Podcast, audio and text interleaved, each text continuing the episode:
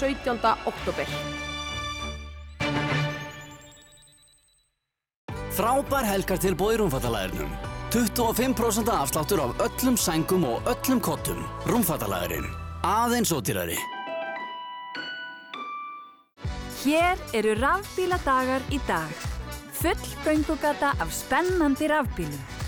Hér er Smáralind. Þú ert að hlusta á sunnudagsögur á Rástfö.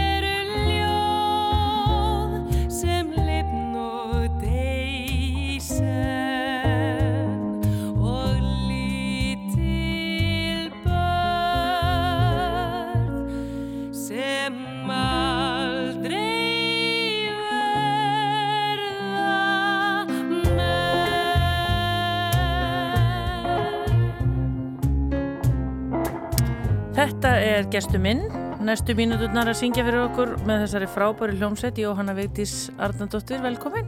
Takk fyrir það. Mannsöngvar, þetta eru Mannsöngvar. Mannsöngvar, já, já hvenna kom þessi platt út? Mörg ár síðan? Úf, hvenna kom hann út?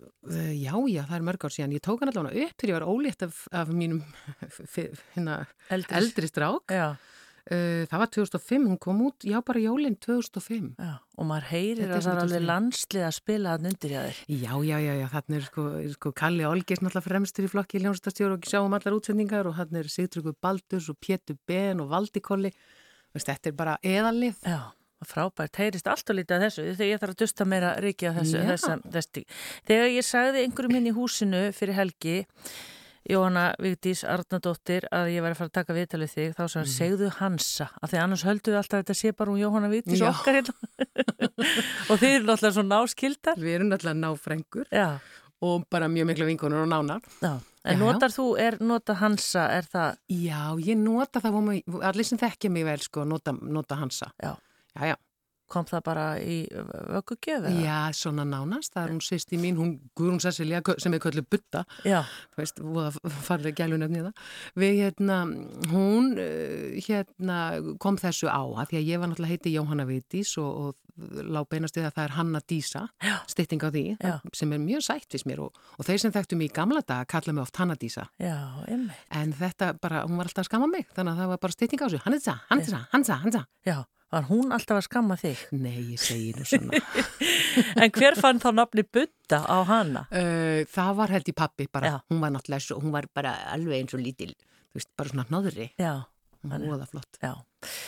E, þú ert e, úr Garðabænum, er ekki Jú, eða Arnanesinu. Bygguði alveg þar bara, var Arnanesi ekki þá að byggjastu? Hvernig er þetta Jú, fætt? ég fætti 68 Já. og hérna þau fluttu þanga þeld ég 66 þegar að byttarsýsti var nýfætt. Emmi. Og já, þannig að ég, búin að, ég bjóð þar alveg frá, frá fæðingu sko. Hvernig var þetta ekki dásamar? Hjósa bara að þetta er eitthvað svo afskekt var og... voða mikið, svona, þetta var svona voða náttúrulegt, við fórum í í, í útilegu sko, við tókum okkur nesti og fórum í, í hérna útilegu þarna. Já, þú veist, bara hænum megin við ykkur að brekku eða eitthvað, það Já. var voða gaman, það var ykkur, ykkur lækur og Já. já, já, Já, þetta já. var allt, veist, þetta var að byggjast upp á þessum tíma. já, en á móti líka pínu svona kannski einangrandi frá skóla og svona. Já, já, já, Þurfti já. alltaf að skuttlikur eða Já, hvernig? það var svolítið mikið skull Já, á þessum tíma á hugsaði. þessum tíma, já. Og það var svolítið beðið eftir bílprófinu, sko, Já. á sínu tíma. Já, en ég meina mamma einn sem að hérna, þekkt er var nú alltaf heimavinnandi hver sá um skuttlið. Þetta var svona, þarna voru, hérna, við vorum að nokkur í, í hverfinu sem að fórum í, vorum í Ísaksskóla og svo fórum við í Hlíðaskóla og við vorum að nokkur þannig að þið skiptust á fórildranir. Já, hann hefur verið svona samveila hann í hverfinu. Já. Já, um. Vinirnir frá þessum tíma, er þetta, er, hafið þið ennþá haldið hópin eða hverfinu? já, Svona. ég minna, náttúrulega Ragnöðu Frænka, hún bjó náttúrulega við hliðin á, svona stóttur Haugs, Klásin. Já, Þannig að við vorum alveg, skólasýstur alveg bara út MR, sko. Þannig að við höfum náttúrulega haldið samband já. alltaf. Eru þið semst jafngamlar? Já, Já. hún er tíu dugum eldri. Bara fyrir þá sem ekki vita, fóreldraðínir. Já, Guðrún Ellensdóttir, fyrir hann hæstærdadómari og Ör Klásin, heitinn, hæstærdalöfumæður. Já, þannig, og svo er hérna Ólafur. Ólafur Arnarsson, uh, elstur og svo Guðrún Sesselja og svo ég. Já, og voðamarki lögfræðingar. Já, svolítið mikið í, í svona nánustu fjölskyldu Já. og líka mitt uh, hérna Sigga sýstirna mömmu, hún á hérna, hún á krakka og þeirra krakkar og, og barnabönnur orðni lögfræðingar og þú veist og Lóa heitin sýstir þeirra, hún átti eitt lögfræðing líka, þú veist, þetta er nóga af þessu. Já, en þú sjálf, aldrei einhvern veginn hugsaði að það geti verið eitthvað? E, jú, já, ég veist, ég sp- spurði með mjög tíman og hérna á ekki bara að fara í lögfræðin og hún sagði, nei, ég held að myndi ekki henda þér. Nei. Nei. Var það af hverju ekki? Ég bara, ég veit það ekki. Ég, ég, ég held ég, já, ég er kannski svona órög, órögvís, ég veit það ekki. Nei, ég er svolítið, svolítið, var kannski svolítið fyririldið, þú veist, ég hef alltaf reyndar haft gaman að vera í skóla og allt svo leiðis, en ég bara var svo margt annað sem var, ég hafði áhuga á, sko. Já, einmitt. E, sem lítið stelpa, hvað, varstu hérna íþróttum eða varstu... Við vorum í ballett, Já, við, hérna, sýsturnar. Við fórum í ballett og frængur líka. já, Hjá Sýrið Ármann fyrst sem var frænk okkar já, og svo í, hérna, listanskóli þjóðlíkusins. já. Þannig að þið hafa verið efnilegar og góðar. Já, ég hætti nú fljóðlega því ég var í píanónámi hana með, þannig að ég let það nú, ég hafði meira á því. Já, En Butta sýstir, hún var alveg lengi vel já, já. fram eftir í ballett. já. Þannig að það verið ekkert verið svona neitt bolti eða neitt svoleiðis í ykkur. Nei, nei, Nei, engan á því. nei. Hvað hérna, tekur þú stundum ballettspor? Stöng í...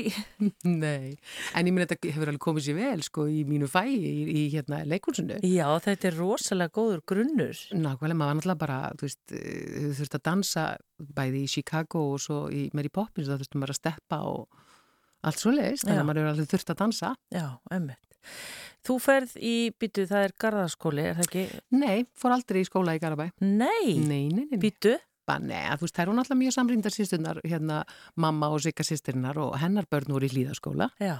Og það, það var mjög fít skóli fannst þeim og mamma náttúrulega sá enga ástæði að senda okkur í neitt annan skóla. Nei, hættu nú, þannig að það hefur aukið á skuttlið. Já, en í rauninni þá, ég menna þau náttúrulega sóttu vinnu í bænum, Já. mamma og pabbi. Mm.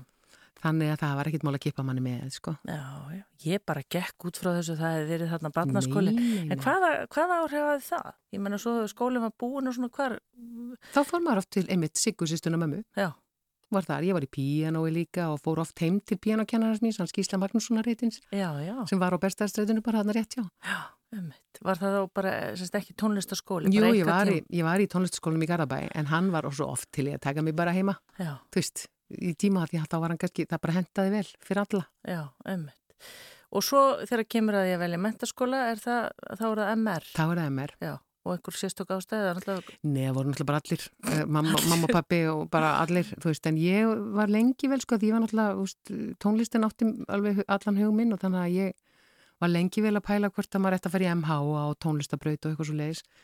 En svo, svona eftir á að higgja þá held ég að ég hafi nú alveg gert rétt að fara í MR vegna þess að bekkjakerfið einhvern veginn hendaði mér betur held ég. Já, og þaðan eru margir góði vinnir. Já, já, og þú veist, og, ég var í litlum bekk sko, fámennum bekk, þannig að það hendaði bara einstaklega vel.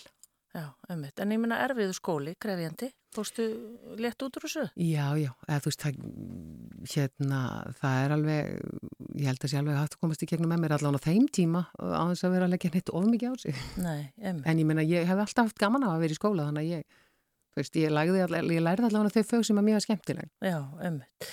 En hérna, en píanóið, varstu, þú veist, ertu, getur þú spilað allt í dag eða? Já, neini, ég er náttúrulega búin að tapa þessu svolítið niður, sko. En ég, hérna, ég tók burtarpróf á píanó. Já. Um, bara, hérna, stuttu áður en ég var student, eða þú veist, var bara sama ár. Og, um, já. Það er nú alveg, bara, er það ekki salur af fólki og... Jú, jú, maður heldur tónleikar, sko. Já, já, já. Þetta er nú verið, þá er maður með hvað sjöndastig? Það er áttundastig í rauninni og svo bætast tónleikarnir einhvern veginn við. Já, og ætlaður þá einhver lengra með þetta, Jóna? Já, svona, ég veit ekki, svo, mér fannst það frekar einmannalegt líka, ég er svona félagslind, þannig að mér fannst það alveg einmannalegt að vera endalust bara einna heima aðversi og, og eitthvað svo leiðis, en En mér fannst bara, tónlist hefur alltaf bara verið stór þáttur í mínu lífi. Já. Og hérna, og píanóið náttúrulega bara, veist, ég býja því í öllu sem ég hefur að gera, sko. Já, og það er náttúrulega gott að kunna, eins og segir, nóturnar og allt, Mhm. bæði sögnum og öðru. En e, sástu fyrir þér að gera eitthvað meira með það, eða varstu strax og svona, er einmannlegt fyrir mig? Ég, já, það var svolítið, ég hugsa, nei, mér langa ekkert að gera neitt meira með það. Nei, en, en það verður ekki að þið tekið. Nei. Nei. Hvert lág leiðin svo, eftir mentó? Eh, Eftir mentó, þá fór ég í BA í frönsku. Ég var ekki alveg viss um hvað mér langaði að verða þegar ég væri stór. Þannig að ég hérna, fór í BA í frönsku og uh, fór svo fljótlega að læra að syngja. Já. Hún Snæbjörg Snæbjarnar heitinn. Ég segi svo mikið heitinn, það er allra hverfa frá okkur. Ó, já, já, einmitt. Uh, mikið upp á hald hjá mér. Já. Hún, hérna, hún var að kenna í tónlistaskólum í Garabæ, þar sem ég var og uh, hún, hérna, ég fór að læra hjá henni. Já. Og var það Söng. þá óperusöngur? Já. Já, já. Hún var alveg dásanleg, hún var sko þerapisti um leið og hún var söngkjannari. Já, einmitt. Hún var alveg frábær. En var það eitthvað sem þú hugsaðir, ætlaðir eitthvað lengra með þetta? Mm, ég, það, ég ætlaði að gera það já og mér sé að hérna mm, sóttu um, eða skelltin umsók hjá hérna Rínu Malatrasi eh, söngkjannara á Ítalíu sem að kendi meðal annars held ég, eða Dittu fór í einhverja tíma til hennar og eh, held ég Halla Margrét sem að eh, starfa nú á Ítalíu. Já. Uh, en uh, Og hver er þessi merkilega kona? hún var bara söngkennari sem að mér fannst hún að ég sem ég bara, já, ok, ef hún kendi dittu þá lítur hún að vera anskoti góð Já. Nei. þannig að, hérna, og ég sendi umsókn en ég fekk aldrei neitt svar og svo sé ég þarna þegar ég bara er í ykkur limbói þá sé ég auðlýsing fyrir að leiklistaskóla Íslands og svona hugsa mér, já ok, ég bara fer í pröfur fyrir það já. og hérna, svo allt í þá og ég hafði svo sem ekki pælt í því neitt mikið áður jú, ég hafði verið eitthvað smá í leiklist í grunnskóla en hérna fer í endugubrófin og það, fast, það, það kveikt alveg á ykkur eh, hjá mér, já. mér fannst það skemmtilegt Já Og rúlaður upp í fyrsta kasti? Eh, ég komst inn, já, já. En, veist, og, en þegar, með, þegar ég var í miðjum myndugprófum þá fæ ég svar frá Rínum Altrassi þar sem hún bauð mér að koma út og ég tók þá áhættu að segja bara nei takk. Já, og hvar var hún að kenna? Hvar? Ég man ekki hvar á Ítalið þetta var. Og, og Jóhanna viti sé bara nei takk. Nei, þú veist, ég, hérna, það, það maður átti eftir að fara í ykkur, þetta, það er alltaf, þú veist, þessi, það verið alltaf köttað út og svo maður, kemst maður á næstasti og næstasti og næstasti. Það var, það voru ykkur tvö stygg eftir eða eitthvað. Já. Þannig ég tók þess að á eittu. Já, hér. En það var þetta, mér fannst eitthvað voða gaman í þessum myndugufróðum. Já. Einmitt. Ertu þá, hættur þú þá í frönskunni eða kláraður það? Ég kláraði hana. Þú kláraði hana? Já, já. Já, þú byrjar ekki á neinunum að klára það? Nei, nei. Nei, þannig að hérna, og svo ferði í leiklistaskólan og voru það skemmtilega ár? Það voru indislega ár. Já, og ertu þá samlið að læra söngin hjá henni? Eh, ég var búin að læra já. söngin þá hjá Snægi. Það, ég hérna kláraði söngin uh, 94 og byrja í skólanum 95. Já, já, já hvaða, hérna, hvaða leikarar voru með þér í, í Beck? Það var náttúrulega hérna, Nanna Kristín Magnúsdóttir, hún var með mér í Beck og hún er nú heldur betur að gera flotta hluti núna Já. með pappahelgar og, og fleira. Einmitt. Uh, Lauvebrá, uh, Stefan Karl, Já. hann var með mér. Heitin. Indislegur, heitin, indislegur. Uh, og Henrik Hóe, Rúnar Freyr, Marja, Marja Páls sem er með hælið fyrir Einmitt, norðan. já. alveg. Og er búin að fá alla í leikús eða fá fyrirtæki fyrir norðan að bjóða krökkum í leikús frábært hjá henni. Já. Já, Þannig að þetta hefur verið kraftmikill hópur. Þetta var rosa kraftmikill hópur og skemmtilegur hópur. Við vorum mjög náinn og náðum vel saman. Hvað er þetta með leiklistaskólan? Það tala allir, sko, ég er búin að taka viðtöl við sko, hundruð leikara og mér finnst allir segja þetta er bara eitthvað þessi ár þau bara algjörlega móta mann fyrir lífstíð. Já, þetta er svo mikil sjálfskoðun einhvern veginn í gangi og maður kynnist eh, svo mikil nýjum hliðum á sjálfum sér og lífinu og, og hérna og heldumst einhvern veginn, þá heldum maður utan um það fólk sem var með manni þegar maður var í þessari uppgötun. Já, ömmit. En ef aðeistu aldrei um að þetta væri, að því maður hugsa líka, það er erfitt að útskrifast og ef það svo engin hingir, mm. hvernig var það? Nei, ég veist ekki. Mér fannst, þetta ofsalega skemmtilegt. Já. Uh, af hverju talar þú frönsku? Því ég var nefnilega því ég var að leita læja á þann þá voru fullt að, er þetta bara frönskunámi sem skilaði svona góðum framfyrði? Já, ég hef ekki, já þetta er bara frönskunámið sko. Ég sem hefur hlutir að bara búið mörg ári. Nei. Nei. Nei, ég nefnilega og í rauninni sko hérna e, þarf ég að fara bara og taka eitthvað tíman tíma og búa í Fraklandi til þess að komast alminnilega inn í þetta mál. Já að því að hérna, ég er frekar óurug að tala og allt svo leiðis. Já, en, en getur það samt bara með að við... Ég geta alveg samt sko, en ég er svona, ég er miklu betri að hlusta og skilja sko heldur en að þóra því ég er náttúrulega með fullkomnunar áratu eins og mjög margar konur. Já. Og hérna, og ég veist mjög erfitt að ef það kemur ekki fullkomið út um mér sko. Já, en ég er allavega með að þetta sem maður heyrtið syngja, það er bara eins og hafa bara búið þarna um árabill. En það er oft sko, hérna, það er oft þannig þegar maður er að syngja Þetta er alveg eins og hérna ABBA-stelpunar, Agneta og hérna Annifrít. Það er sungu náttúrulega bara flotta ennsku og svona eins og svo töluðu þeir frekar slæma ennsku. Já, ummitt. Þannig að það heyrðist þegar það var að taka viðtöluður eða eitthvað slíkt. Þá kom alveg sænski frambörðurinn alveg bara magnaðist sko. Já. En veist, þetta er bara held ég þegar maður syngur þá kemur, kemur frambörðu betur. Já, ummitt. En hvað fegst að gera?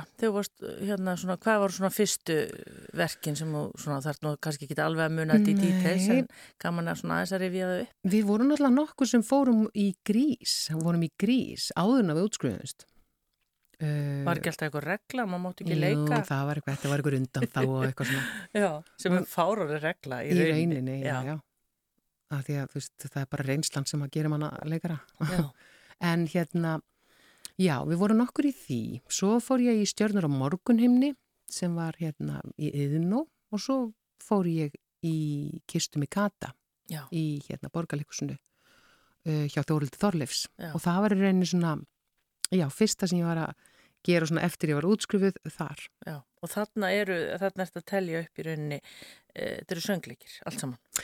Mm, já, nema Stjörnur og morgunheimni, það Já. var ekki söngleikir. Nei. En já, söngleikir hafa verið svolítið mikið svona my thing. Já, ummitt, af því að ég, hérna, það er, er það ekki fyrir leikara, það syngja, það, flestir kunna syngja, Mm. en það er erfitt að halda einhvern veginn heilum söngleik uppi ef maður hefur ekkert lært að syngja, er það ekki? Hugsanlega, jú, jú, ég myndi, jú, ég held að það sé bara hægt að, hægt að fullir að það. Já, og beitur þú þá tækninni sem þú lærðir þarna á Já, síðan já, tíma? já, já. Já, Og það er svona, að því kannski, þú veist, í borgarleikusinu þar sem að maður hefur verið, það hefur verið svolítið mikið, keirt mikið á síningar. Þannig að maður þarf að halda sér góðum, sko. já, ummitt. Það er ekki að fara að sína grís aftur.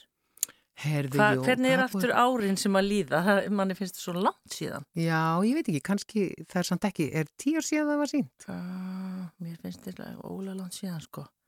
Eða kistu mig katta eða allt þetta. Já. Já, Já, en þú veist, það hafa verið nokkra, nokkra grís. Fyrst þessi, hana, 98, svo var hérna, Birgitta. Haugdal Já. og Jónsi, Já. svo var hérna, það var, eh, einsýning eftir það. það var einsýning eftir það, Já. held ég. Það er langt síðan að við munum það ekki. Nei, við munum það ekki. En það þarf ekki að segja neitt samt og finnst að maður er kannski bara komið svolítið kalkaður, skilja. Einmitt. Hansa, varstu hérna á þessum árum þegar þú útskrifast úr leiklæskonum, áttur þú þá kærasta eða varstu bara alltaf eina eða hvernig var það? Ég var gift uh, og hérna en skildi þegar ég var í, í leiklisskólanum Já. þegar ég var á öðru ári og það var mitt búið að djóka með það hérna við mann sko, já, skilji allir sem verið í leiklisskólanum og ég bara svona, já svo ko- kom það akkurat fyrir já, en hérna, þannig að ég var síðan bara alveg einhleip eða singul í, í hérna hvað, sex ár og svo leis, Já. svo kynntist ég bara núverandi manni árið 2003 já. Og hann er hann heiti Þorsteinn Guðbjörnsson vera norðan, eða ekki? hann er að norðan, eða svona aðfluttur að norðan, hann hérna Dalvíkingur. Já, og hvar hittist þið? Það var nú bara náttúrulega eins og svo oft. Björn Ingi Hilmarsson er sammeilur vinnur sem að ég var að vinna mikið með á þessu tímabili. Já, Uh, Björn leikari, hann sem sagt kynnt okkur. já, já, Þeir eru svona skáfrændur og hann kynnt okkur. já. Hann hefur hugsað að þetta eru tveir einstaklingar sem þurfa að hittast. Já, Já, þannig að hann er mikill alveg valdur í, í mínu lífi. já, emmitt. Og hvað hérna, og hann er ekkit í leiklistinni, eða? Hann, hérna, Steini? Já. Nei, hann er húsasmiðameistari og viðskiptafræðingur og hérna, verkefnastjóri og ég veit ekki hvað og hvað. Já, en er hann ekki góðu gaggreinandi fyrir þig? Jú, jú, en hún finnst ég alltaf flottust. Já, það ekki. það er ekkit að spyrja því. Og þið er tvo sinni. Við hefum tvo stráka og svo hann eh, tvö börn af fyrra hjónabandi sem að eru hérna, sem búa hjá okkur líka. Já, já, já, já. Þannig að er líf og fjör. Já, það er, það er með fjögur börn. Já, en ekki börn, þetta eru full, er fullorið fólk sko. Já, emmitt. En strákarnir ykkar, hvað eru þeir gamlega? Þeir eru uh, 11 að verða 12 og 13 að verða 14. Já, og ertu búin að sjá eitthvað, hvað, hvaða leið þeir muni feta? Ekki hugmynd. Nei. Það er svo, sá yngri gæti jú hugsanlega alveg verið hérna eitthvað, eitthvað leikara eða performance hérna bröðinni. Já, en ef að myndi spyrja, mamma, finnst þér ég ætti að verða leikari? Myndur þú svara eins og mamma þín svaraði þér með lögfræðina? Sko, nei, ég myndi, ég, ég veit ekki, nei, að því að þú veist, þá vel við hann, þannig að ég myndi örglega að segja bara nei, þú veist, endilega farðu í það sem þú hefur áhuga á, en hún náttúrulega bara sá sem var að ég hef ekkert í lögfræði að gera. Nei, emmitt. e, Svo síning sem að er það ekki, þú hefur sínt lang oftast, er það hérna, uh, nú er á stólu og mér hérna söngleikurinn. Mamma Mia? Eh, Nei, já, hvort var Mamma Mia eða, Sko, mamma Mía fór í fleiri heldur en Mary Poppins. já, fór í fleiri. Mm Já, hvað hérna, hvað erum við að tala um marga síningar? Það voru eitthvað um 190 síningar eitthvað sliðis. Segðu okkur nú hvernig álað þetta er. Máta Það- alveg vera einleg. Já, já, það, þú veist, sko, ég, hérna, ég er alveg einlega þegar ég segi það, bæði í Mary Poppins og í Mamma Mia, að það, hérna, mér fannst alltaf gaman að sína þér, alltaf. Það var stundum kannski svolítið erfitt að koma sér neyrir þér, að koma og, og fara af stað, en um leið og bara, hérna, tjaldið var dreigið frá, þá fannst mér frábært og, og skemmtilegt að sína. Já, En þetta er alveg álag og maður hérna til að halda röttinni og annað í lægi þá er maður bara í eins konar bómul. já. og er það þannig, þú bara...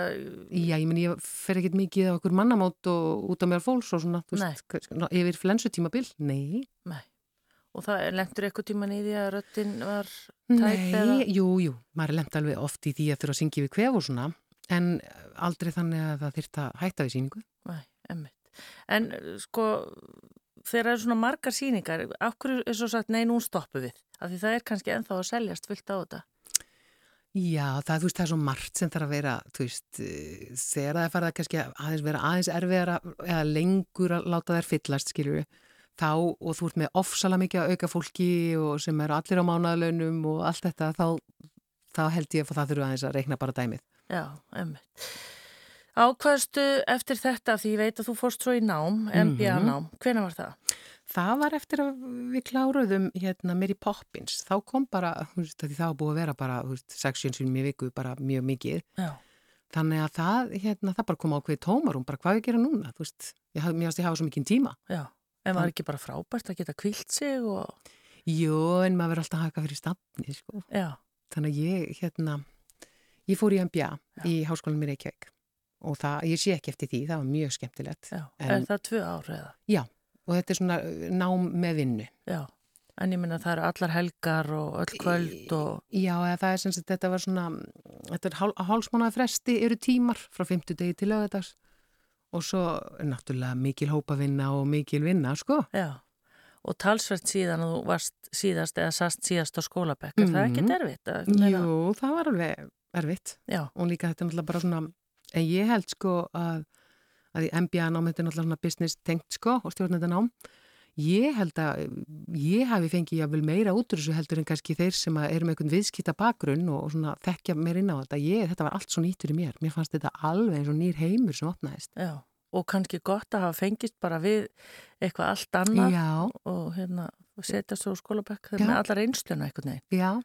Og það, og það var mjög skemmtilegt nám og velhaldið utanum þetta þannig í HR. Já. En varstu þá á meðan ekkert að leika? Jú, ég var að leika með. Ég var hérna og sem að gerði mér náttúrulega kannski ekki vinsælust, vinsælustu stúlkuna þú veist, í hérna hópastarinu af því ég gætt stundum verið laus á daginn þegar að aðri voru frekar til í að hittast á kvöldin Já.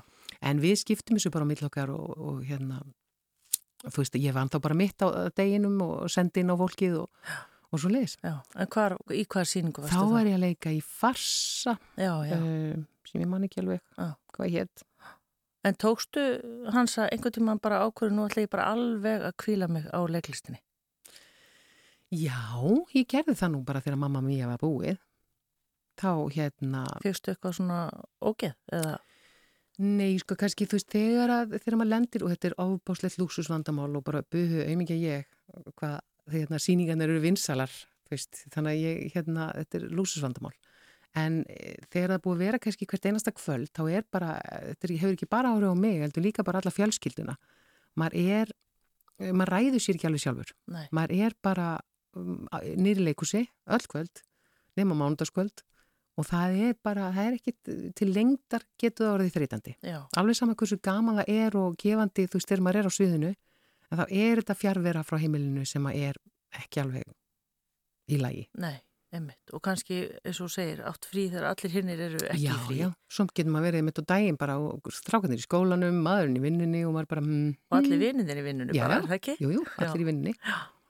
En, en svona varandi sko bara svona, hvað ég var að segja, svona fólksfælni, veginn þegar maður er búin að vera, þú veit náttúrulega ákveðin stjarnar. Já, já, þetta er svona, þetta er aðalega svona veistu hver ég var, er svolítið þannig. Já, en ég meina það er kannski aðstæðan að vera að tala um þetta, en, en er það ekki þann, leiðir ekki, þú veist, varstu, vildur þú fara á mannamót og vildur þú vera, Mm, ég er náttúrulega hrikalega heimakær þannig að ég, hef ekkit, ég er ekki mikið fyrir það að fara á mannamót Nei. þannig séð. hvert ferðu þá? Ég bara er heima. Jú, jú, fer ég heima hús og svona fólk er nýfara að fatta það að ég ætti að bjóða mér í mat. Já, og hérna, þannig að það er það er skemmtilegt. já, einmitt. Þannig að það breytist ekkit varandi þetta endilega. Nei, Þér hefur aldrei fundist það eitthvað spes. nei, ekki, þú veist, ekki setni tíð þetta þegar maður var yngri og svona, þá var náttúrulega bara alveg duglur á djaminu, Já, einmitt. Já. en ekki, ekki núna. Nei. Jóhanna Vítis Arnardóttir er gestu minn, við ætlum að fá nokkru auðlýsingar og annar lagmiðinni og heyrum svo hérna hvað hún er að fást við í dag. Hún er náttúrulega að leika en svo ímislegt annað, var ekki langt. Rástfö Er bílinn klár fyrir veturinn? Hvort sem þú ert á leiðin í langferð yfir heiðina eða slapsnattið innanbæjar, þá er mikilvægt að bílinn sé tilbúin í veturinn. Hjá Dekkjasölunni Hafnafyrði færðu vetradekk og flottar felgur í miklu úrvali. Dekkjasalan.is Frostið bítur og rafgeminni tómur. Ekki örvænta. Rafgemasalan leysir málið. Við erum með rafgema í allar stærðir aukutækja. Rafgemar.is Ertu fyrir norðan og felgurnar slappar? Pólihúðun Akureyri sérum að sandblása og duftlaka felgurnar undir bílinn og gera sem nýjar fyrir slarkiði vetur. Setjum umferðaröryggi í forgrunn og ökum varlega í vetur. Stóker Haglabissur 5 ára ábyrð Veiðihornið síðumúla Sérverslun skotveiðmannsins Hvað er að gerast í tónlistarlífinu í Ástralíu? Er það eitthvað skemmtilegt? Eru allir að rappa eða allir að spila rock? Hvað er best? Hvað er áhugaverðast? Og hvað er vinsalast? Ég ætla að tala við Ástrali sem geta svarað þessari spurningu og fleirum og spila ástralska músík í Rocklandi í dag.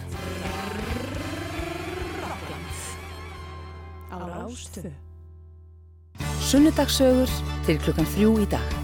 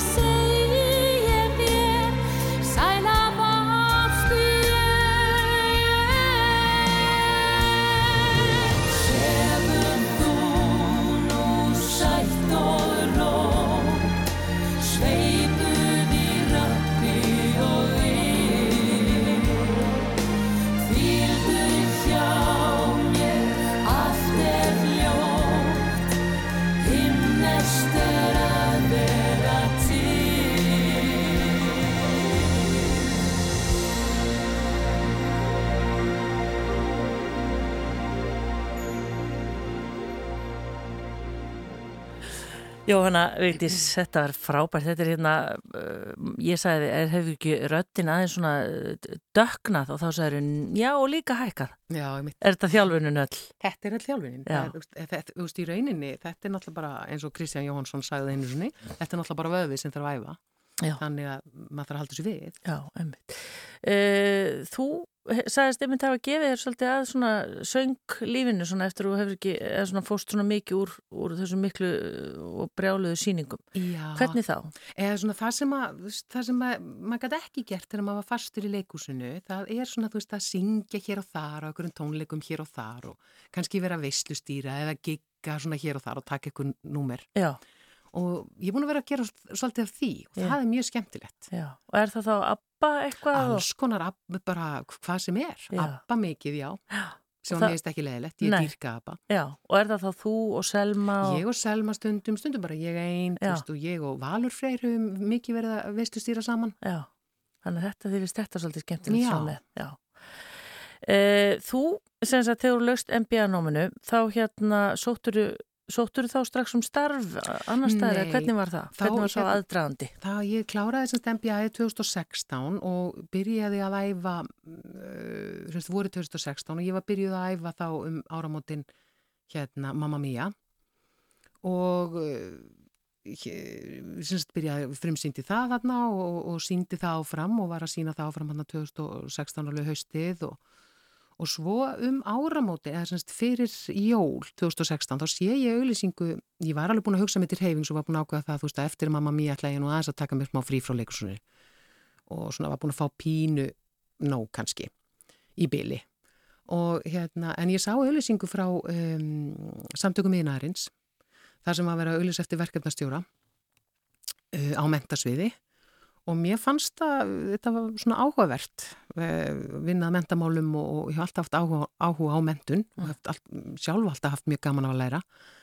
Þannig að ég ákvað bara að sækja um uh, þó svo að ég væri nú ekki búin með hérna rönnið í Mamma Mia en sjá bara hvernig það gengi. Og það ég semst fekk starf þar og byrjaði bara sem 50% áramótin 2017 eða 2016-17 byrjaði í januar Uh, og var fyrst 50% og fór svo bara í, í 100% vinnu þar uh, þegar ég hætti í mamma Já, og hvað ertu nákvæmlega að gera? Já, þetta er náttúrulega hagsmunarsamtök stæstu, hérna, stæstu samtökinn innan samtaka atvinnulísins uh, við erum með eitthvað 14. fyrirtæki og við erum náttúrulega bara, eða sérst ég á mentasviðinu og er, við erum að vinna því að, að bara fá fólk fyrir fyrirtækin okkar þeir kalla eftir fólki úr, með ákveðna mentun, Já. starfsmentun, verk og innmentun, uh, raun og tæknigreinar og fleira. Þetta, þetta eru allt sagt, mentun sem að þarf að vera til staðar í okkar fyrirtækjum. Já, og eru þið þá búið til að senda fólki upplýsingar um einhver námskeið? Alls konar bæði það, við erum náttúrulega með hérna, símentunna og allt, allt slíkt hvað var það okkar fyrirtæki, en síðan, við erum bara að reyna að auka áhuga og auka aðsókn í starfsmentun og starfsnám. Mm. Og finnst þér það að vera að vaksa? Eða? Já, svona drópin hóla steinin, en sko ekki nóg.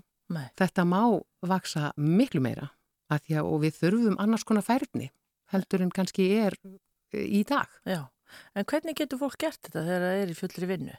Eru alls konar svona sigur Nei, og við erum, sem sagt, jú, jú, og við erum líka að tala um bara að auka og fá krakka í mentaskóla, skilur við, og fá já. krakka í tekniskólan og borgarhaldsskóla og fá þá í þessa starfsmentaskóla. Já, það er búið að tala um það í mjög langan tíma og það verist eitthvað aðeins vera breytast. Já, já. Það held ég var núna í tekniskólanum, aldrei smargar umsóknir. Nei, það er að aukast mikið þar. Já, en hvað veldur þessu? Akkur hérna velja krakkar þetta svona ekki eins það er ábyggilega, það, það er mjög margt Já. sem spilar inn í. Uh, held ég nummer 1 og 3 er fóröldravandin, það vilja allir að barni uh, hérna að þau klári stúdenspróf en uh, þá er það, þá er þetta í rauninni upplýsingaleysi eða, eða skortur upplýsingum vegna þess að þú getur klára stúdenspróf þó þú farir í, í starfsmentun Já. og Já. hérna þannig að ég veit það er, það er margir samhangandi þættir. En það þarf að gera þetta náttúrulega bara aðlandi og sína hvernig þessi störf og hvernig þessi mentun er að breytast. Það er svo mikið þróun í gangi. Já, finnst þetta skemmtilegt? Já, þetta er mjög skemmtilegt. Ég er að vinna með mjög skemmtilegu fólki og, og hérna, þann kannski það. þegar ég tala um nefndir að fólk er að spyrja og saknar ekki leikusins þá hérna, ég saknaði alveg fólksins ég sakna ekki endilega að standa á sviði og, og, og, hverju kvöldi, maður sakna fólksins en ég er sem betur fyrir að vinna með mjög skemmtlegu fólki líka, Já, em, kreatífu og skemmtlegu fólki já, áhugavert. En svo ertu, Hansa, líka að leika. Já, að því að sko maður má nú ekki drepa töfrabarnið alveg uh, nei, ég sko ég, ég get sem sagt svona vinnu svona 9-5 vinnu innan gæðsalappa, þó þetta sé svona verkefna tengt í hinn og þessu að ef ég veit að ég kemst í eitthvað svona skemmtilegt eins og að syngja og gigga og eitthvað en hérna já, hún Selma Björns talaði við mig og hún er að leikstýra núna upp í þjóðlíkúsi síningu sem heitir Shakespeare verður ástfangin og verður frumsýnd einmitt núna á förstæðin og hún spurði hvort ég væri ekki til að koma að leika smá hlutur kjá sér og ég get ekki satt nefið selmu. Nei, Það er bara er þannig. og hvernig, hvernig leikrit er þetta? Er þetta, Þetta er myndin, eða þú veist, þetta byggir, þú veist, þetta er uh, sam og myndin. Já. Þannig að Shakespeare in Love sem að Gwyneth Paltrow var í og, og fekk Óskarinn og, og hérna mjög skemmtileg fjölskyldu síning og ég er sem sagt, uh, er að leika þarna Elisabethu fyrstu, Englandsdrottningu já, og þetta er búið að vera heilmikið æfintýr og rosalega skemmtilegt ferli. já. Þetta verður, er þetta á stóra sviðinu? Þetta er á stóra sviðinu. Já. Uh, bara frábær, hérna, frábært lið sem að þessu stendur. Æðisleg músík og hann er Jón Jónsson og Fririk Dór með tónlistina og Karl Olgesson, hljónstastjóri Já, og þarna er GTRN í síningunni að syngja og sko ég er ástfangin að röttinni hennar, hún Já. er bara gjörsanlega umlikur mann og þetta er bara einvala lið, Já. mjög skemmtilegt. er tónlistin, er hún frumsamin? Já. Já, þannig að hún er, það er sama tónlist og er í myndinni. Nei, Nei, hún þetta er sem- íslensk. hún er sagði- íslensk, Já, vá, heyrðu, þetta er bara þau eru þeir. dásamlegt. Já. Þannig að það er, og eru þið, hvað maður að segja, er þetta að smetla saman? Þannig Þetta er alltaf smetla saman, já, já, já. Já, bara fimm dagar í, í frumsynningu? Já, já, þetta er það, eins og ég segi, það er valin maður í hverju rúmi, þannig að það er bara, það, þetta verður æðislegt, þetta verður æðisleg fjölskyldusýning. Já, einmitt, en það verður þá væntalega þannig að þú ert í vinnunni til fimm og svo færðu beint að sína, heldur þetta verður oft í viku eða hvernig? Ég veit það ekki, ég, held, ég, ég veit ekki hversu, hvernig það er, það er bara skemmtilegt. Já, einmitt. Jóhanna, ég sagði við það áðan þú komst hérna að það nú leiðilt að vera að taka þið inn í svona góðu veðri á sunnudum. Hvað eru þið vön að gera á sunnudum fjölskyldan? Við erum bara vönið mitt, þá er maður aðeins lengur á náttutunum og fær sér svona góða morgumatt og bara, þú veist, og gott kaffi. Já, Við erum núna reyndar að, hérna, stöndum í fannakvændum, við vorum að færuðum eldúsi hjá okkur og erum að búa til herbyggi þar sem eldúsi var og þannig að það eru framkvæmdir í gangi, sko. já, allt á rú og stú. Já, ef ég segi við, þá er ég náttúrulega meina maður minn. Já, já, en svona sunnudagar er, er svo læri á sunnudagskvöldum þegar mamma er ekki að leika. Stundum, Já, stundum, já, já, já. En það er eitthvað við sunnudagana. Það er eitthvað við sunnudagana. Þeir eru náttúrulega bara eins og veðrið er búið að vera núna undarfærið, þá er þetta náttúrulega bara æði. Já. Vera bara saman fjölskyldan úti í göngutúrum. Dásanlegt. Takk fyrir komuna í sunnudasögur, Hansa. Takk fyrir Og við mig. ætlum að enda þetta á lægi sem ég ætla að þig kenna fyrir mig og hérna á hvað plötu kom þetta? Þetta var á, held, þetta var á sögur á sviðinu, uh, hérna, plata sem að, eða semst disku sem að ég og Selma gerum uh, saman og þetta er lag eftir Jacques Brel sem að heitir Numikitu Ba. Endum þetta hér, þetta spjall. Takk fyrir komuna. Jóhanna Vigdís, Arnandóttir og Gangiða vel. Ne me quitte pas, il faut oublier, tout peut s'oublier, qui s'enfuit déjà. Oublier le temps des malentendus et le temps perdu, à savoir comment. Oublier ces heures qui tuaient parfois, à court de pourquoi, le cœur du bonheur. Ne me quitte pas, ne me quitte pas, ne me quitte pas, ne me quitte pas. Moi, je t'offrirai des perles de pluie venues du pays où il ne pleut pas.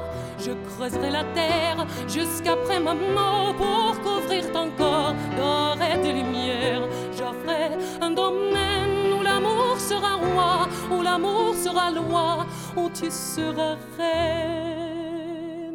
Ne me quitte pas, ne me quitte pas, ne me quitte pas. Souvent rejaillir le feu de l'ancien volcan qu'un coignet trop vieux. Il est, paraît-il, des terres brûlées dans un blé de blé qu'un meilleur avril. Et quand vient le soir pour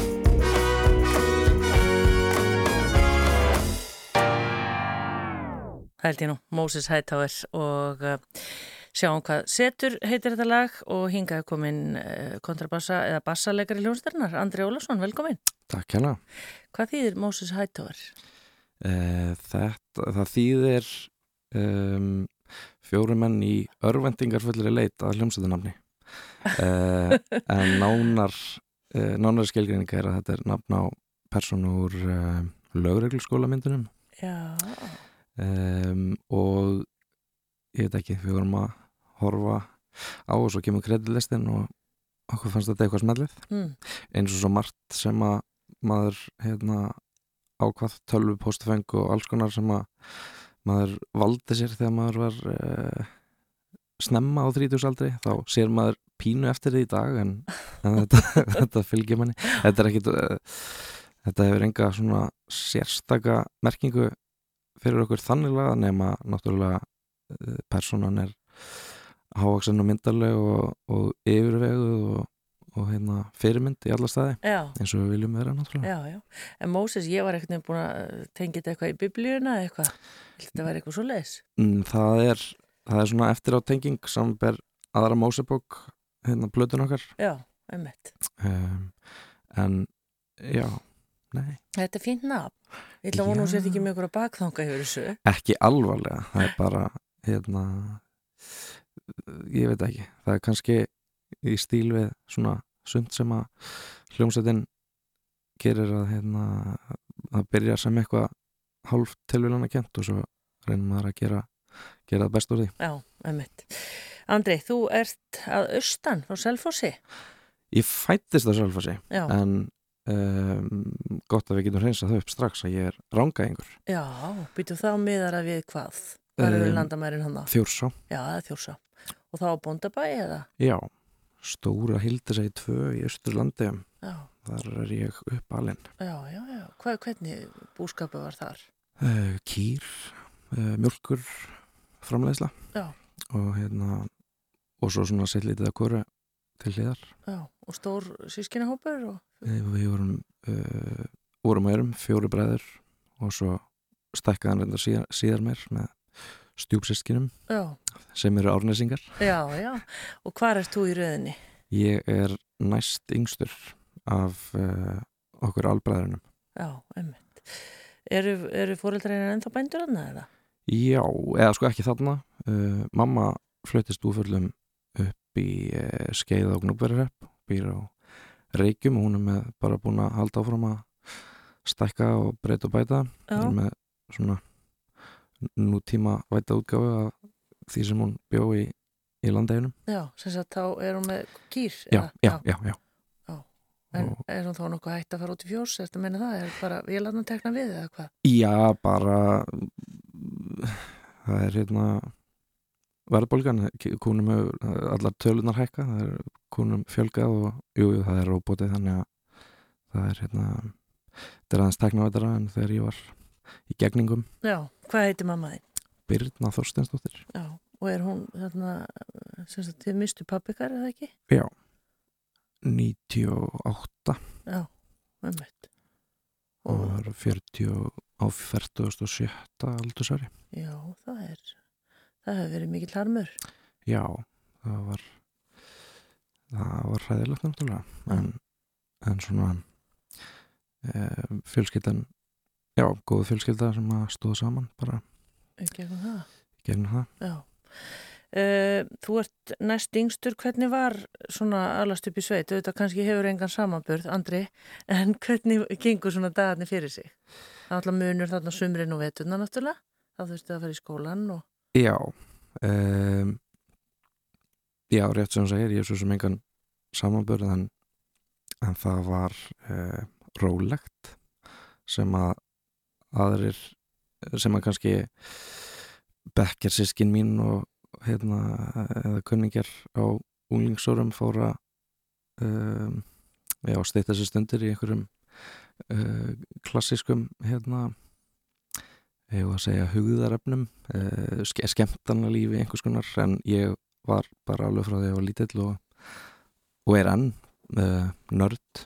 Þannig að ég var bara mikið heima í, í uh, tölfunni að, að búa til músík eða spila tölvuleiki bara... En músíkin, er, er, er, er þetta svona tón, tónelsk fjölskylda? Já, já, já það eru föðu fjölskyldan það er að segja sem er undan eigafjöldum það er uh, fullt af uh, fullt af músikundum og hérna og, og ég byrjaði svona ungur að að spila frekar. Já, læriður þið þá bara sjálf eða fóstu og okkur valdur bassa?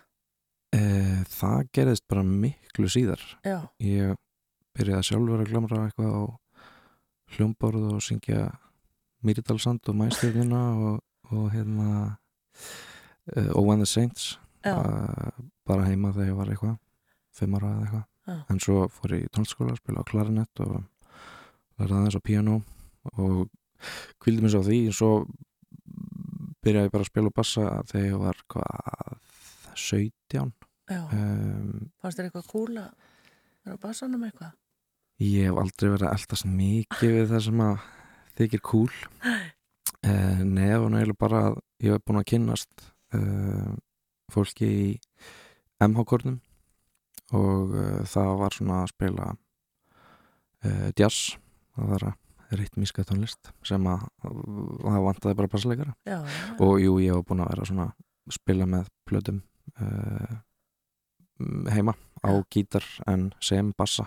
Þannig að þetta er svona loðakild að vera mér. Já, en Andri, hvernig hérna í hvað skóla voru þið þá í þessari sveit? Um, það var grunnskóli Östurlandi fyrstu sjöbækinir og svo kvólskóli á kvólsöldi Já En hvað er grunnskóli Östurlandi? Félagsheimilinu Gunnarsholma Já, já, já sem að það er nú ekki, ekki skólahald þar lengur Nei, en var það bara rúta? Já, ég bjóð nú frekar nálægt að það var samt eh, skólabíl og svo þegar maður komin upp á kválsöldu það var já, það var allir í sveitinni smala saman og annarkort var ég fyrstur og þurfti að vakna kortir í sjö sem ég fannst rosalegt eða eh, eða síðastur og svo ég aðeins lengur. Já, um, þannig að og svo farið á kvalsvöld í, í fram að þá hérna, samlandi prófunum eða já, já. já, en svo ákveður að fara í bæin í hérna í Mentó, í MH, hvað þú þá að standa á einn fótum bara eða?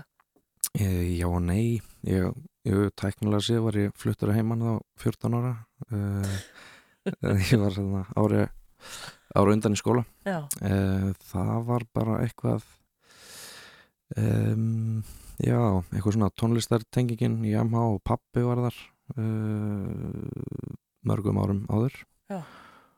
og já, það var bara svona ég var annarkvort að horfa í svona þá í fjarlæri framtíð að hérna, ég ætlaði að vera annarkvort grafiskur hönnuður eða verkfræðingur véluverkfræðingur og svo komst ég að ég eftir starfsæði 203 að það væri kannski ekki að fara að gerast. Uh, vinnustundunar fór í annað en að læra heima í starfsæði en það var, já það var svona lista, lista áran yfir MH sem að Já, en hvar, fó, hvar fórstu þá að búa eða hvernig gerður þetta? Já, einmitt, ég sagði tæknilega fluttur að heimann en ég bjó í, í hérna reysýbóð fyrir ofan eldstabúrðum minn já, sem var það vorin rótfastur í bænum. Já Þannig að þú eru ekki þurft að elda þér fiskibólur á?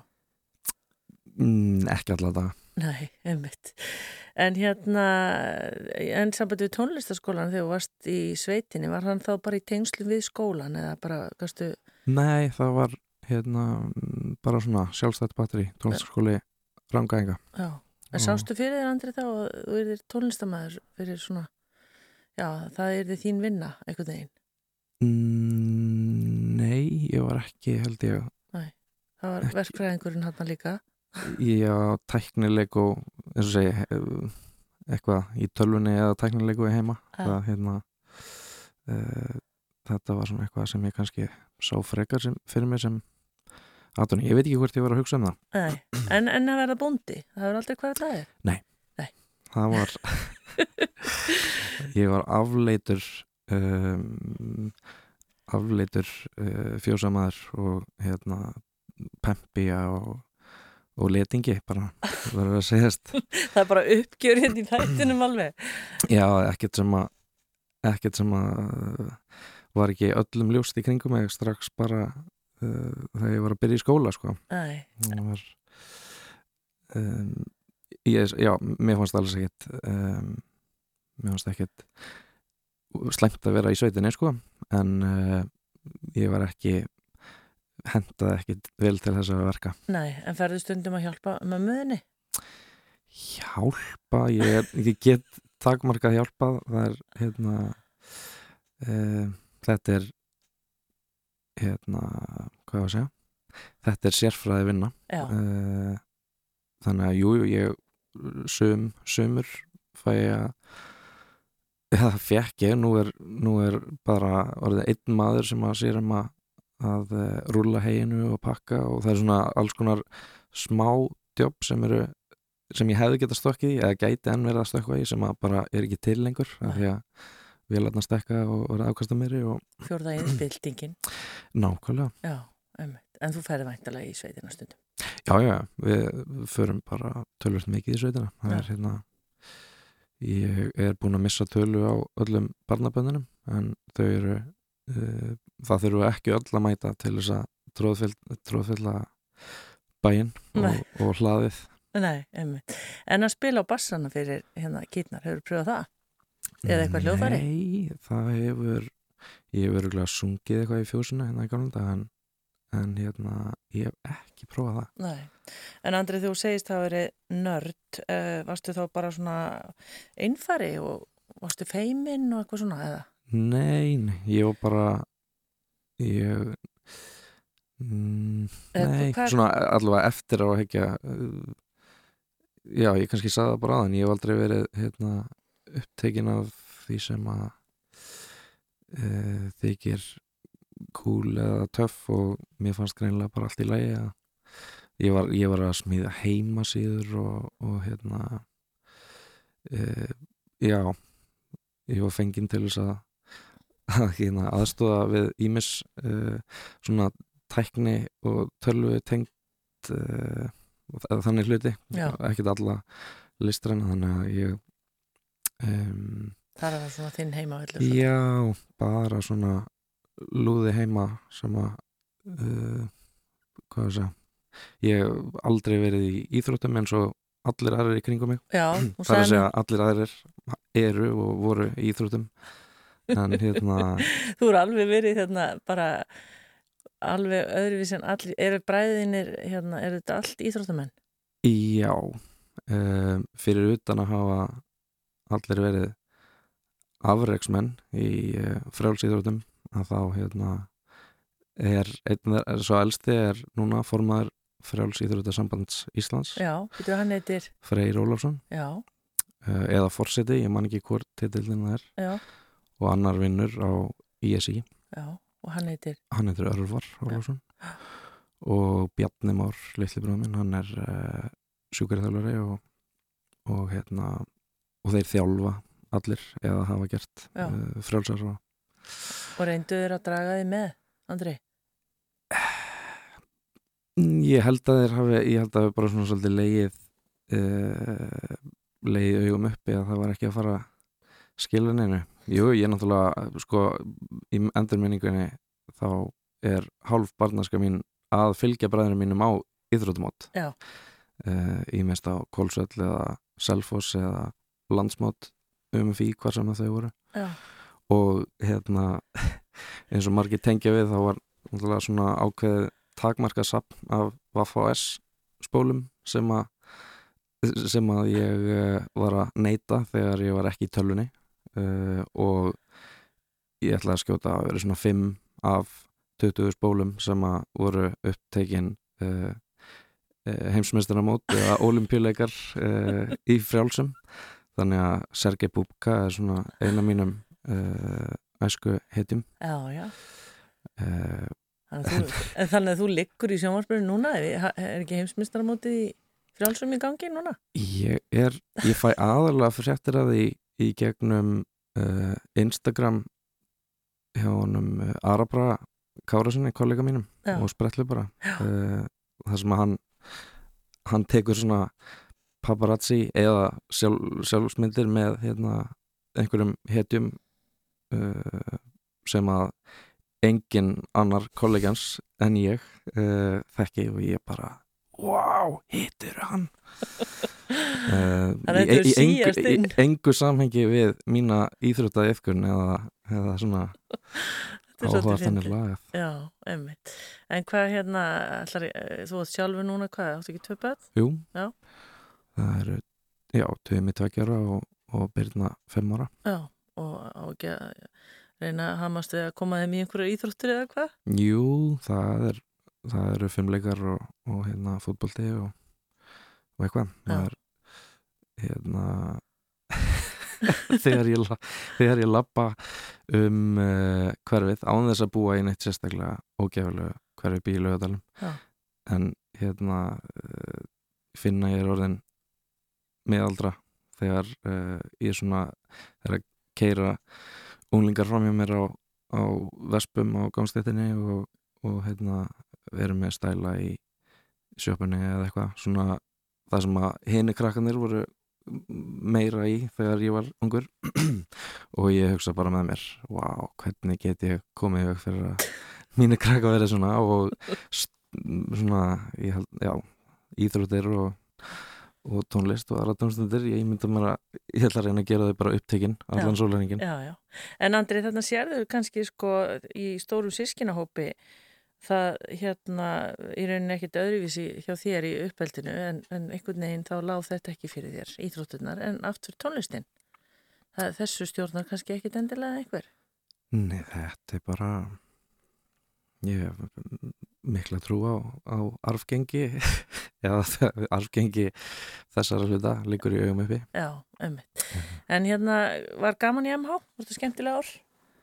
Já, kekjað Hvað? ég, ég tengi mjög illa við umræðu og innleðingu þessa stitta framhaldsskóla þessa dagana ég, ég var meira þess að fjóra og fjóra hálft ár í MH og Já. var ekkert farið að leiðast en ég var svona kannski ekkert ég var engin eh, námshestur þótt að ég hérna, hefði mjög gaman að að fleiri greinum en færri Já, og var hérna, þú segist það var, já, þurfti eiginlega vantaði bassarleikara fyrir, fyrir kórin.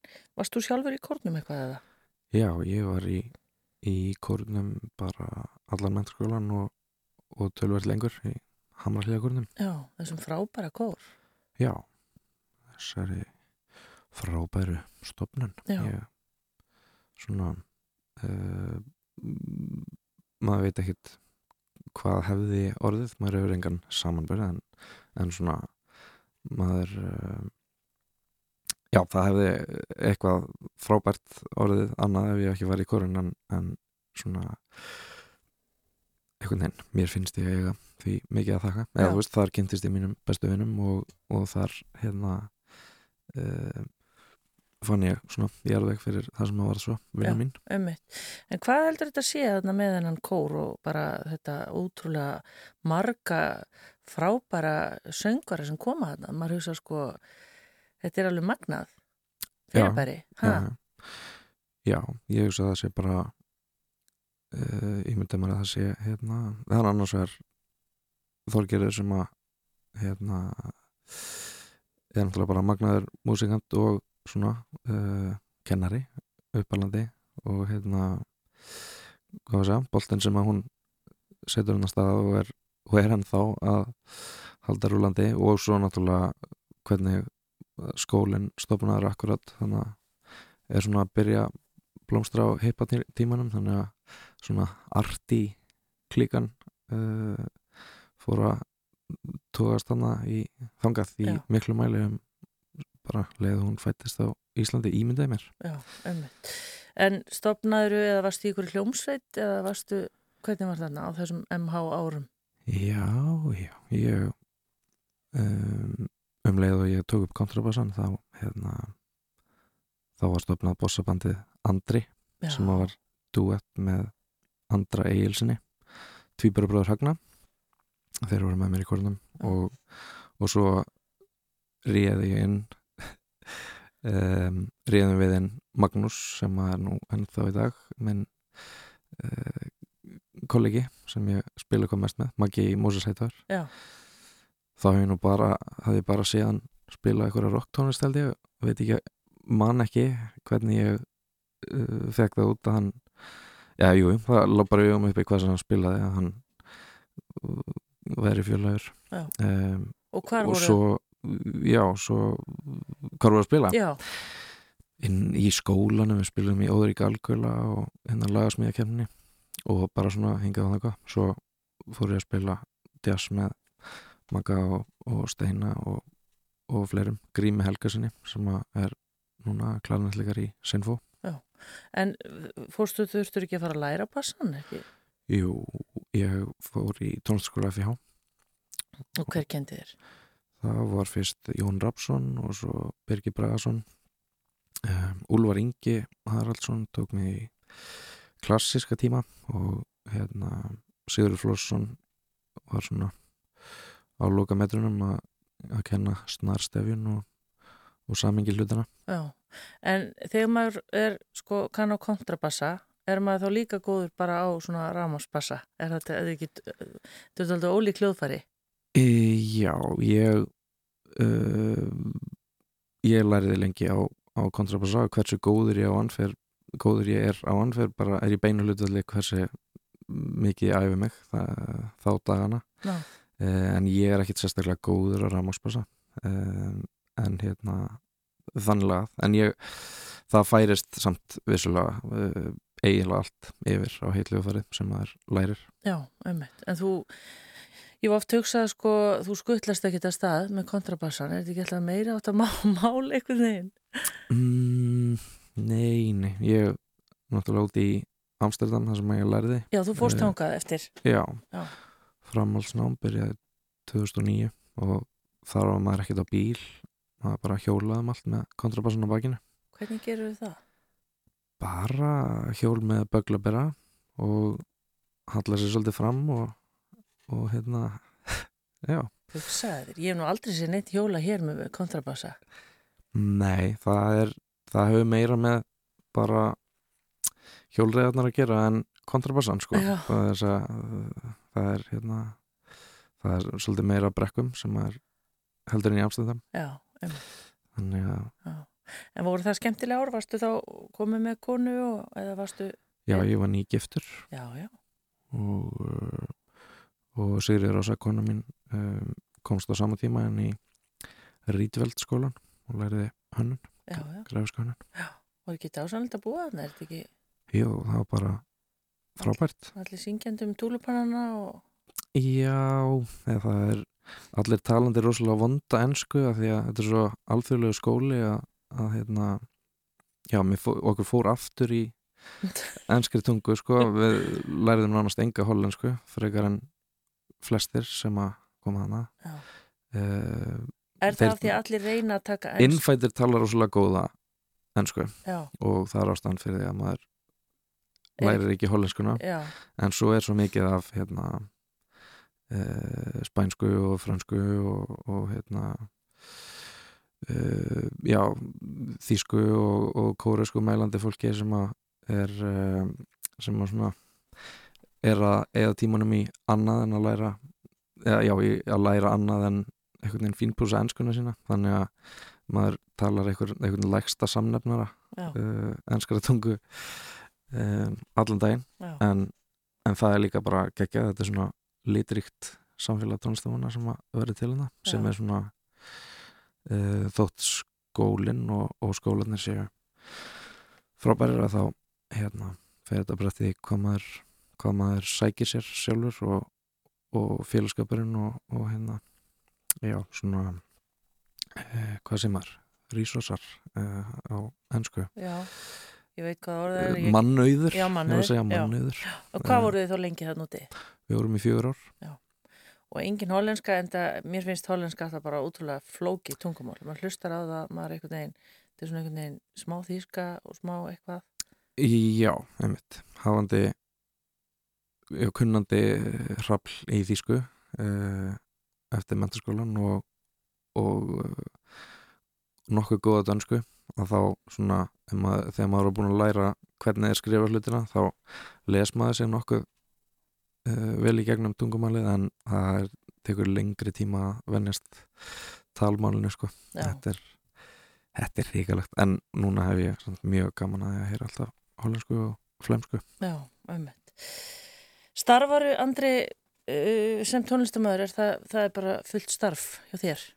Já, í svona uh, breyðum skilningi ég hérna, uh, er að kenna tónlist núna Já, hvað er þetta að kenna? og ég hef gert þar tónlistskóla Árbæjar Já, já ég er þar í uh, hvað var að segja þriðjungs starfslutalli og, og, og svo er það spilumennska og annað á móti Já. sem rokkar bara til og frá eftir árstíðum og, og árum eru hérna margir í, er, sem sagt, þú ert að kenna væntilega á bassa Já, bassa og, og samspil en svo fyrir síðast að ég var að kenna sem var í Reykjanesbæði þá var ég nú að kenna á klarinett mitt, mitt fyrsta hljóðfæri Já, já Hvernig er með þeirra börn læra kontrabassa? Er það lítill kontrabassi?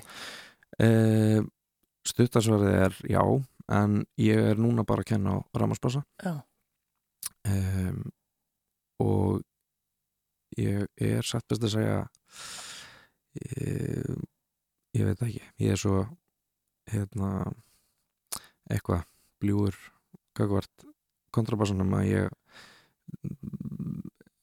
treysti mér ekki til að kenna á hann held ég. Ég of meðvitaður um hvað ég veit lítið segið þú, Andri. En hvenar, hérna, hvenar var svo Moses Hightower til? Var hún, varstu búin að stafna, voru búin að stafna hana þegar að hún fórst út eða?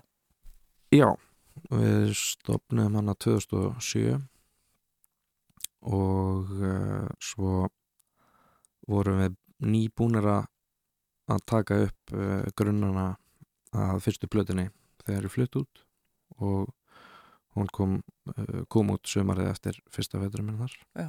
Eru þið, semjið allir lögin saman eða?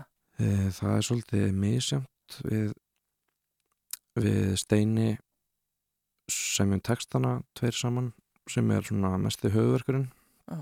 um, og svo lögin fæðast misjamt hvort það eru oft eru þau upp úr einhverju svona bara djam, djammi saman sem við tökum upp og, og veljum úr eftir á Já. vinnum áfram um, en svo eru líka alltaf eina milli lög sem að koma svona mjög langt komin eða tilbúin frá einhverjum einum Einmitt. Frábær hljómsveit, þið eruð að undirbúa tónleika sem verða hvað, 11. oktober Há rétt og er það ferillin eða lögin frá byrjun eða hvernig ætla það? Í- Já, þetta er sko þetta er blanda, við kallum þetta auka tónleika sem að kemur til að því að eh, já, aðal tónleikanar voru fyrir tveimur árum síðan og voru útgáða tónleikar uh, fyrir nýjustu plötun okkar og hún, Æli Málsar Sankant var tekið þar í heilsinni og svo, svo svona einhver blanda. En við hérna uh, þetta verður svona aðeins dreifiðara núna, aðeins meira af já, svona lög af fyrstu plötunni sem við mikið tengi lengi og það er tilhugun að gera þeim skil. Já, uh, en já, bara blandi póka og uh, eitt nýtt lag af uh, já, svona stuttskífi sem við erum að vinna í. Þannig að það er tilhökun í loftinu? já, mikil. Mm, frábært. Hvað er gerur... af, fullt af auka fólki blásarasveit og, og slagverk og eitthvað svona sem að er ekki aðstæður til þess að vera með á hverjum degi Nei, Háskóla Bíó 11. oktober, Moses Hightower. Uh, Andri, hvernig svona með sunnudaga, ertu, er þetta heila í dag, dagar hjá þér? Hvað gerir venilega fjölskyldan? um, bara er saman svona í grunninn sem að er hérna uh, virkið dagar eru eins og næstu því allir sem ekki eru bændur uh, kannast við. Svona að ströggla að ná tíma saman. Um, en helgarnar þá hérna uh, bara reynum að hafa rólegt eftir megni en annars er mín vinna náttúrulega spilamennskan þannig að ég er ég er mjög ofta að spila á sundarskvöldum sko á bryggjunni brygghúsi þannig að það er rauninni svona helsti fasti punkturinn þannig lagað þótt ég sé ekki þar öll sundarskvöld Eftir kvöld? Uh, ég er ekki kvöld, það er eina valur skefing verið með eðal fólk með sér Já, já. en hérna já, ég er svolítið oft náttúrulega í hljóðpröfum og, og stundum gekum um helgar en hérna sem betur verið ekki alltaf Nei, einmitt. En takk fyrir að gefa þér tíma til að koma í sjöndagsögur, Andri Ólafsson Takk kjærlega fyrir mig og hérna heldur þú sér tættur að vera nörd eða ertu ennþá? Nei, nei, Jésús, ég er bara YouTube hefur bara gert mig kleift að vera meira og meiri nörd uh, með árunum Já, og skammast þín ekki til það? Nei, ekki þanniglega en þetta er náttúrulega þvælist fyrir mér í að koma hlutum í verkstundum að ég er bara of djúft svakkin í núna er ég rosa mikið að horfa á einhver smíða myndband, rennismíði og vélsmíði og rafsuða og eitthvað svona sem að sem maður hefði ekkert geta séð inn í gamla dag Nei. þetta er, ég gerum þetta besta Þú gerir þetta besta.